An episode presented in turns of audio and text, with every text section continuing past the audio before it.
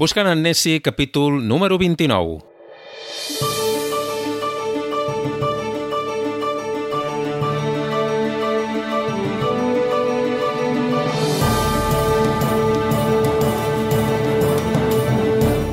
Això és Buscant en Nessie, el podcast on parlem d'Escòcia, dels seus paisatges, els seus costums i tradicions i de la seva gent.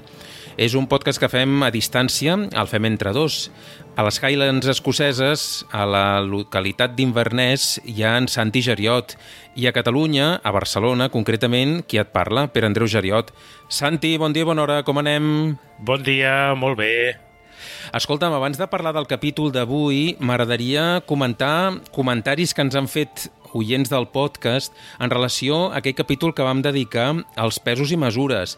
Per exemple, la Carme ens va confirmar que, efectivament, les eh, lliures aquí a Catalunya són 400 grams. Tu deies que allà, allà dalt eren 450, oi? Sí, eh, les lliures catalanes eh, són diferents a les lliures eh, britàniques. Pesen menys aquí, veig, eh? Sí, sí, sí, sí. Són lliures eh, amb el nom és el mateix, però és, és diferent. A, a Catalunya és veritat que són eh, 400 grams i al Regne Unit eren 450. Un altre tema és el de les polzades. Te'n recordes que vam dir, o almenys eh, jo recordava les polzades bàsicament pel tema de la, de la mida de la, dels televisors, dels aparells de, de televisió. Però el Josep Maria, també és un oient fidel del podcast, en va dir que hi ha un àmbit on tot va en polzades i és el de les canonades, és a dir, la mida de les canonades, del tipus que siguin, es fa per polzades. Per tant, ens ho apuntem, gràcies al Josep Maria doncs, per aquesta acotació i, i queda clar que quan pensem en polzades no només ens hem de referir a les polzades quan parlem de televisors, sinó també quan parlem de canonades, eh, quan parlem de tubs. I encara en relació a aquest capítol us llegim el missatge que vam rebre de la Montse. Ens deia molt curiós i divertit, sobretot per mi, quants records m'han vingut a la memòria. Gràcies. Deia també que el sistema internacional és obligatori utilitzar-lo en alguns camps. Quan jo vaig fer peritatge mercantil a l'assignatura de problemes de càlcul mercantil, ens feien utilitzar les equivalències de pesos i mesures i en les milles la milla marina és de 1.852 metres. És més llarga que la milla terrestre, ens deia la Montse, i preguntava si a Escòcia també. Tu saps això, Santi?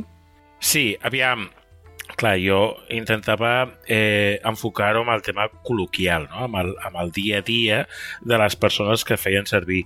Jo, eh, malauradament o afortunadament, no tinc eh, cap mena de contacte amb el tema pescador o mantens marítim, però sí que et puc dir que amb tota referència de les mides nàutiques, ja siguin milles nàutiques, nusos, etc., tot està enfocat amb el eh, sistema imperial britànic i és universal per a tothom. Vull dir, una milla nàutica són 1.852 metres per a tothom. No només a Escòcia, sinó que a Catalunya, a tot arreu. Molt bé, doncs queda, queda clar.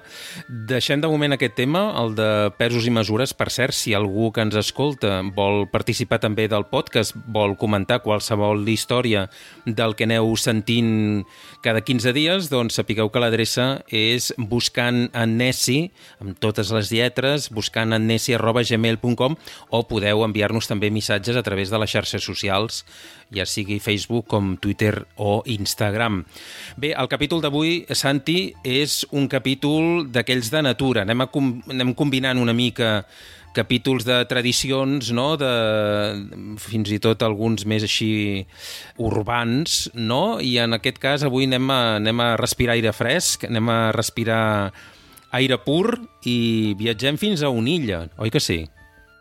Sí, avui eh, us volia parlar de la illa de Skye, que suposo que a molta gent els hi sona, aquesta illa, perquè és bastant famosa. Està situada a les Illes Hèbrides, a les interiors. Recordem que les Illes Hèbrides hi han les exteriors i les interiors. Aquesta és la més gran, la que està més al nord de les interiors. Per cert que Sky s'escriu com cel en anglès, S-K-Y, amb l'afegit d'una E al final. Sí, de fet el nom de Sky sortiria del, del nòrdic antic i també et podria dir que la illa és anomenada com a Elaine uh, Clough, que en gaèlic escocès significa l'illa de les boires. Deies que era l'illa més gran de les Hèbrides interiors. Gran, què, què vol dir? Quants quilòmetres quadrats? Doncs mira, té 1.656 quilòmetres quadrats i viuen unes eh, 10.000 10 persones i això dona una densitat més o menys de 6 persones per quilòmetre quadrat. I com s'hi arriba a l'illa de Skye? Doncs abans només es podia arribar amb ferri, amb, amb vaixell. Ara eh, hi ha un pont a l'Sky Bridge que es va construir el, el 1995, o sigui, res, fa 25 anys, i està molt ben comunicat. De fet, des d'aquí, des d'Inverness, hi ha eh, autocars directes. O, si vols anar amb tren, pots anar gairebé fins on és el pont i des d'allà agafar un autobús. De fet, pots seguir-ho fent-ho amb vaixell. Està el, el Glenelg Ferry, però és més com una atracció turística, no? Com dir, mira, això és el, el que feien per arribar des de la mainland, saps? Des de terra ferma fins a la illa. I és una mica més com a atracció. Però és bonic, eh, també. Abans deies la densitat de població, 6 persones per quilòmetre quadrat és, és molt poquet. Això vol dir que és un lloc de natura, bàsicament, no?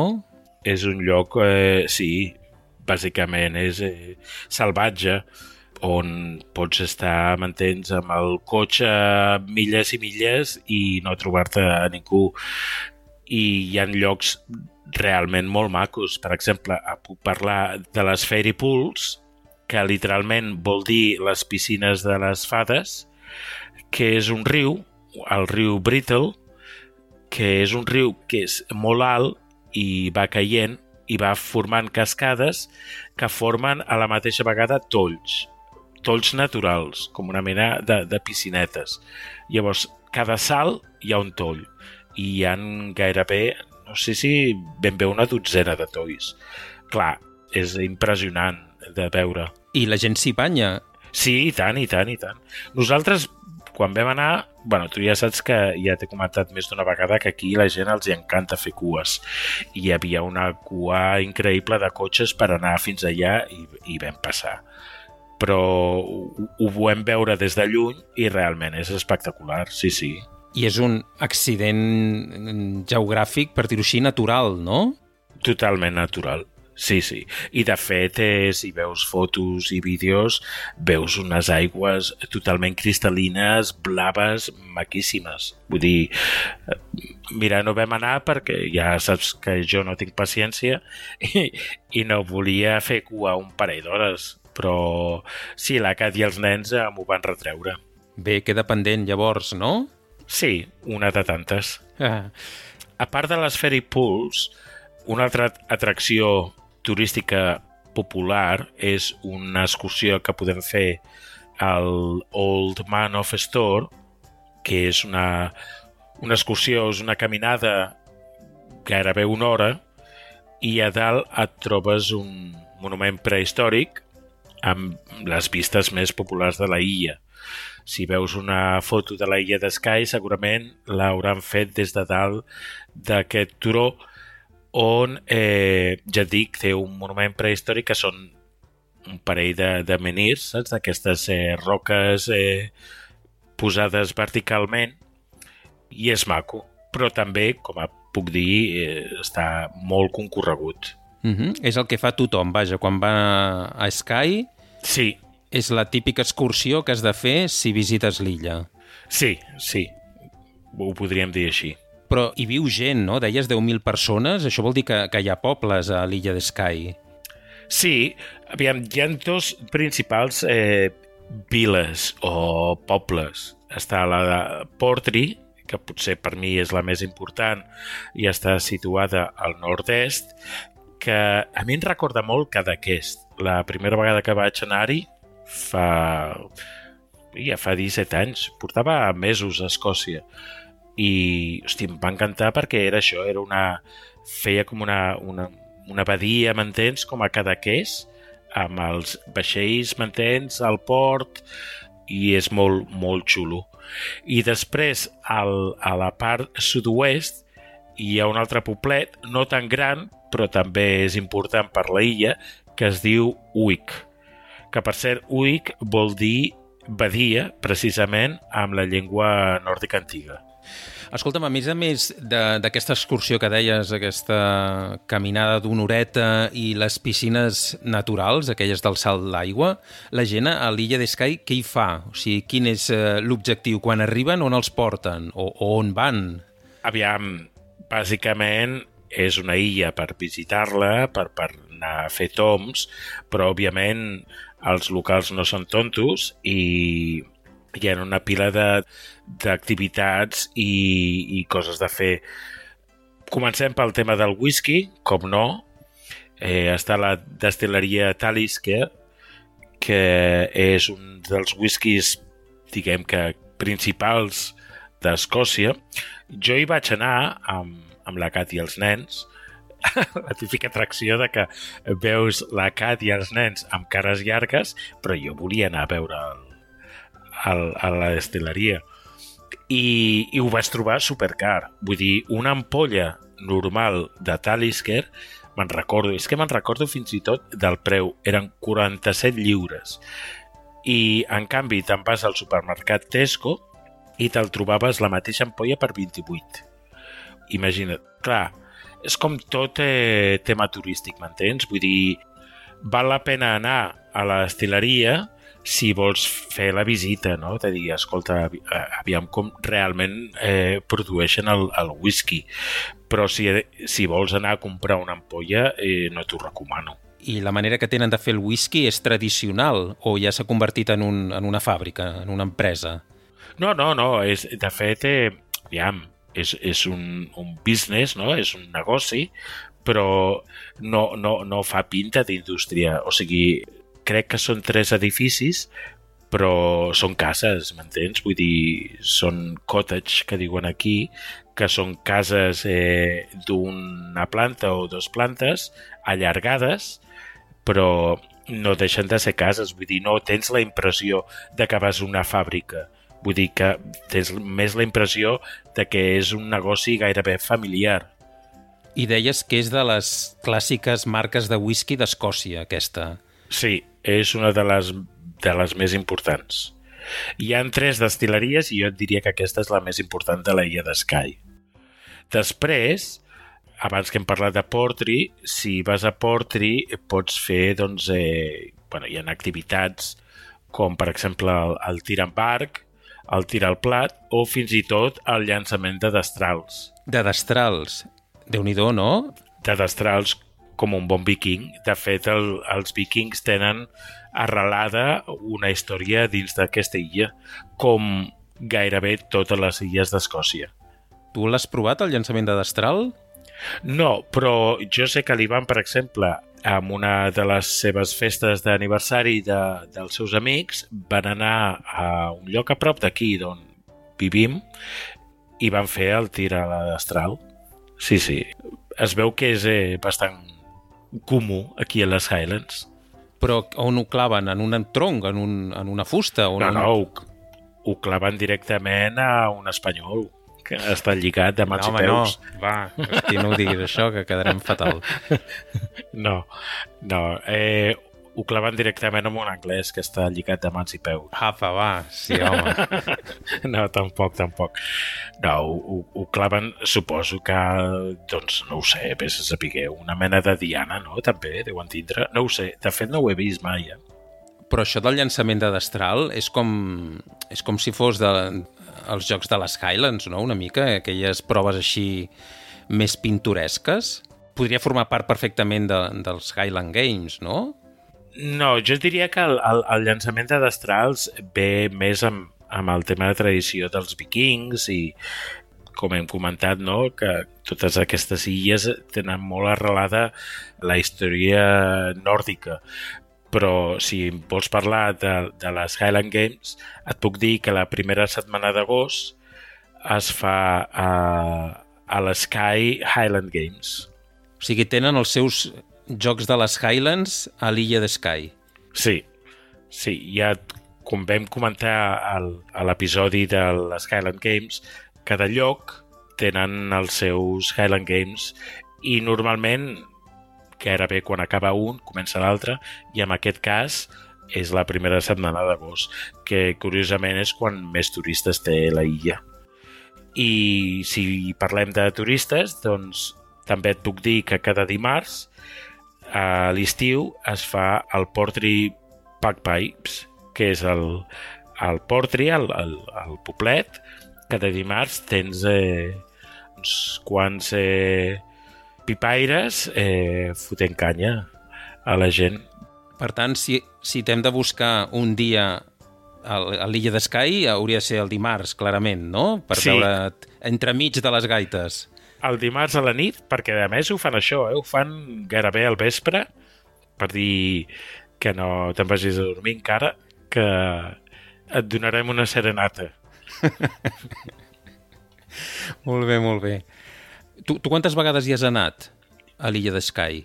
I jo he anat eh, un parell de vegades. He anat... La primera vegada va ser quan gairebé vaig aterrar a Escòcia i la segona vegada doncs eh, duria fer fa un parell d'anys amb, amb la Cati... No, de fet, mm, la gossa té 3 anys ara i tenia 6 mesos. Sí, fa un...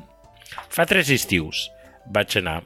Dels cops que hi has anat, què és el que més t'ha agradat? A part del, del poble aquest de Portree, que deies que tenia tant d'encant, què és el que recomanaries tu del que has vist?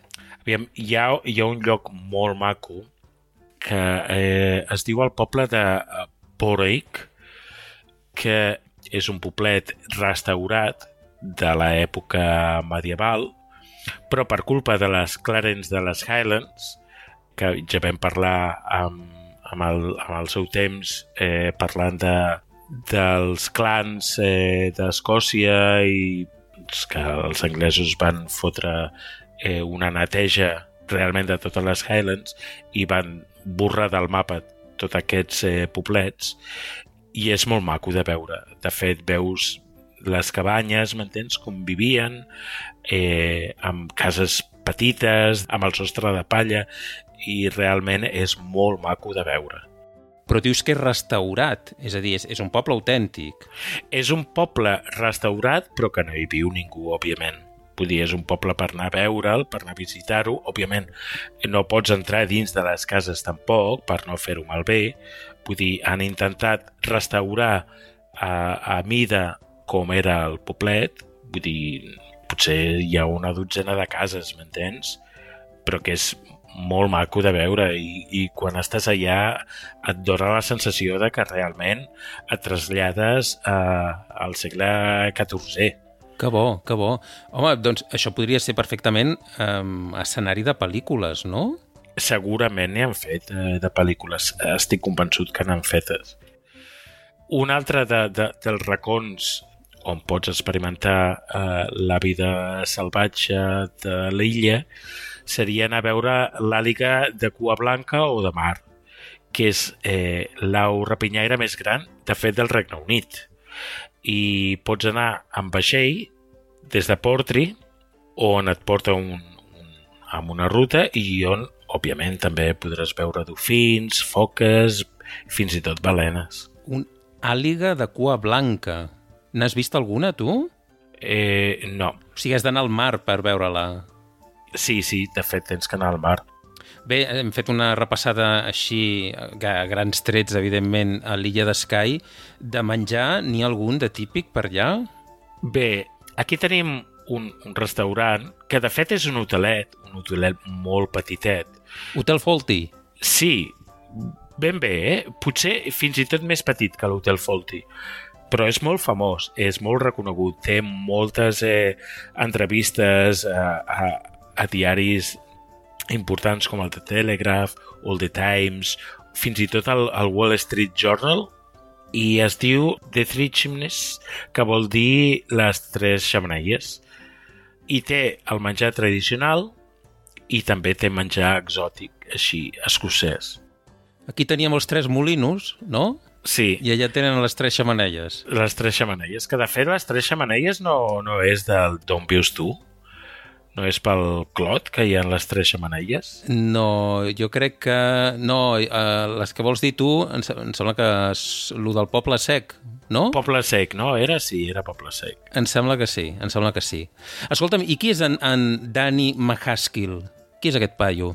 Aquest pàjaro? Aquest pàjaro jo crec que és la persona més famosa de la illa de Skye. Aquest home té 35 anys ara mateix i és un boig. És un boig de la bicicleta. Veus? Com la Cat, no? No, però aquest encara pitjor. Molt pitjor, perquè aquest resulta que baixa muntanyes amb la bici. És un, és un Kilian Jornet, però amb la bicicleta. O sigui, baixa directament muntanyes, però muntanyes de l'estil Montserrat. Vull dir, amb penyes secats i el tio amb la bici agafa la bicicleta i vinga. Aquest home, quan tenia 4 anys, li van regalar la primera bici, llavors el paio se'n anava a l'escola quan era petit, que l'escola eh, estava a una milla de distància, un quilòmetre i mig, i llavors va descobrir que anar tallant, en comptes d'anar en línia recta, anava tallant pels llocs i se li donava bé. bueno, total, que el paio eh, es va fer famós amb això. I, de fet, jo us deixo un link al YouTube d'un vídeo seu del Danny McCasley que es diu The Slabs, que són com... Bueno, va baixant pedres grans i ho va fer durant el confinament fa un parell de mesos.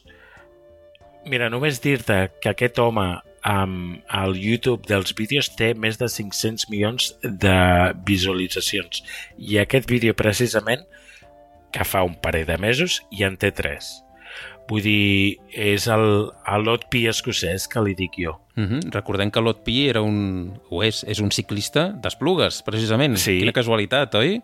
era eh, ciclista de trial d'Esplugues on feia els, els seus malabars però clar, pujant a, a dalt d'un gratacels o saltant quatre nens eh, estirats al terra o tres cotxes. Clar, aquí estic parlant del Dane McCaskill, que és una persona que ha crescut a la natura i s'ha fet la bicicleta a la natura. Vull dir, és impressionant. Jo realment us recomano que, que mireu com a mínim algun vídeo d'ell. Escolta'm, eh, tornant a l'illa de Sky, a, a tu no et fa molt el pes, no? M'ho m'ho deies allò fora de micro? Com és que no t'acaba de convèncer Sky? aviam, és una illa turística. I, clar, tu quan arribes a l'illa i resulta que no trobes la gent autòctona, sinó que trobes la gent al sud d'Anglaterra que s'ha agafat al càmping, s'ha agafat l'hotel, s'ha agafat eh, activitats, i clar, em dóna la sensació de que realment mm, sí, com a lloc turístic està molt bé, però per mi hi ha llocs tan o més macos a Escòcia que la illa de Skye, que no deixo de dir que la illa de Skye és maquíssima i és molt bonica, però, per exemple, si tu te'n vas a la, al Glencoe o te'n vas a Applecross, tu veus eh, realment llocs que dius, hosti, això no ho he trobat enlloc. La illa de Skye sí que ho pots trobar en altres llocs d'Escòcia. M'entens què vull dir? Uh -huh. Molt bé. Doncs què fem? Ho deixem aquí? Ho deixem aquí, però I love Sky.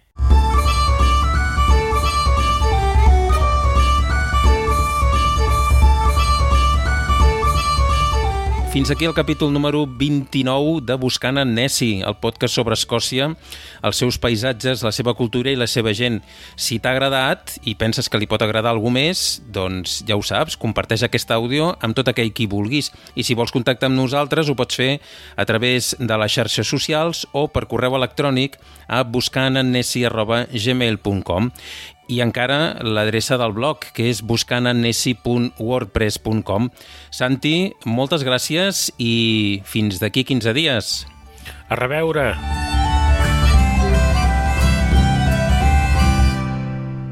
Però el Nessi existeix o no?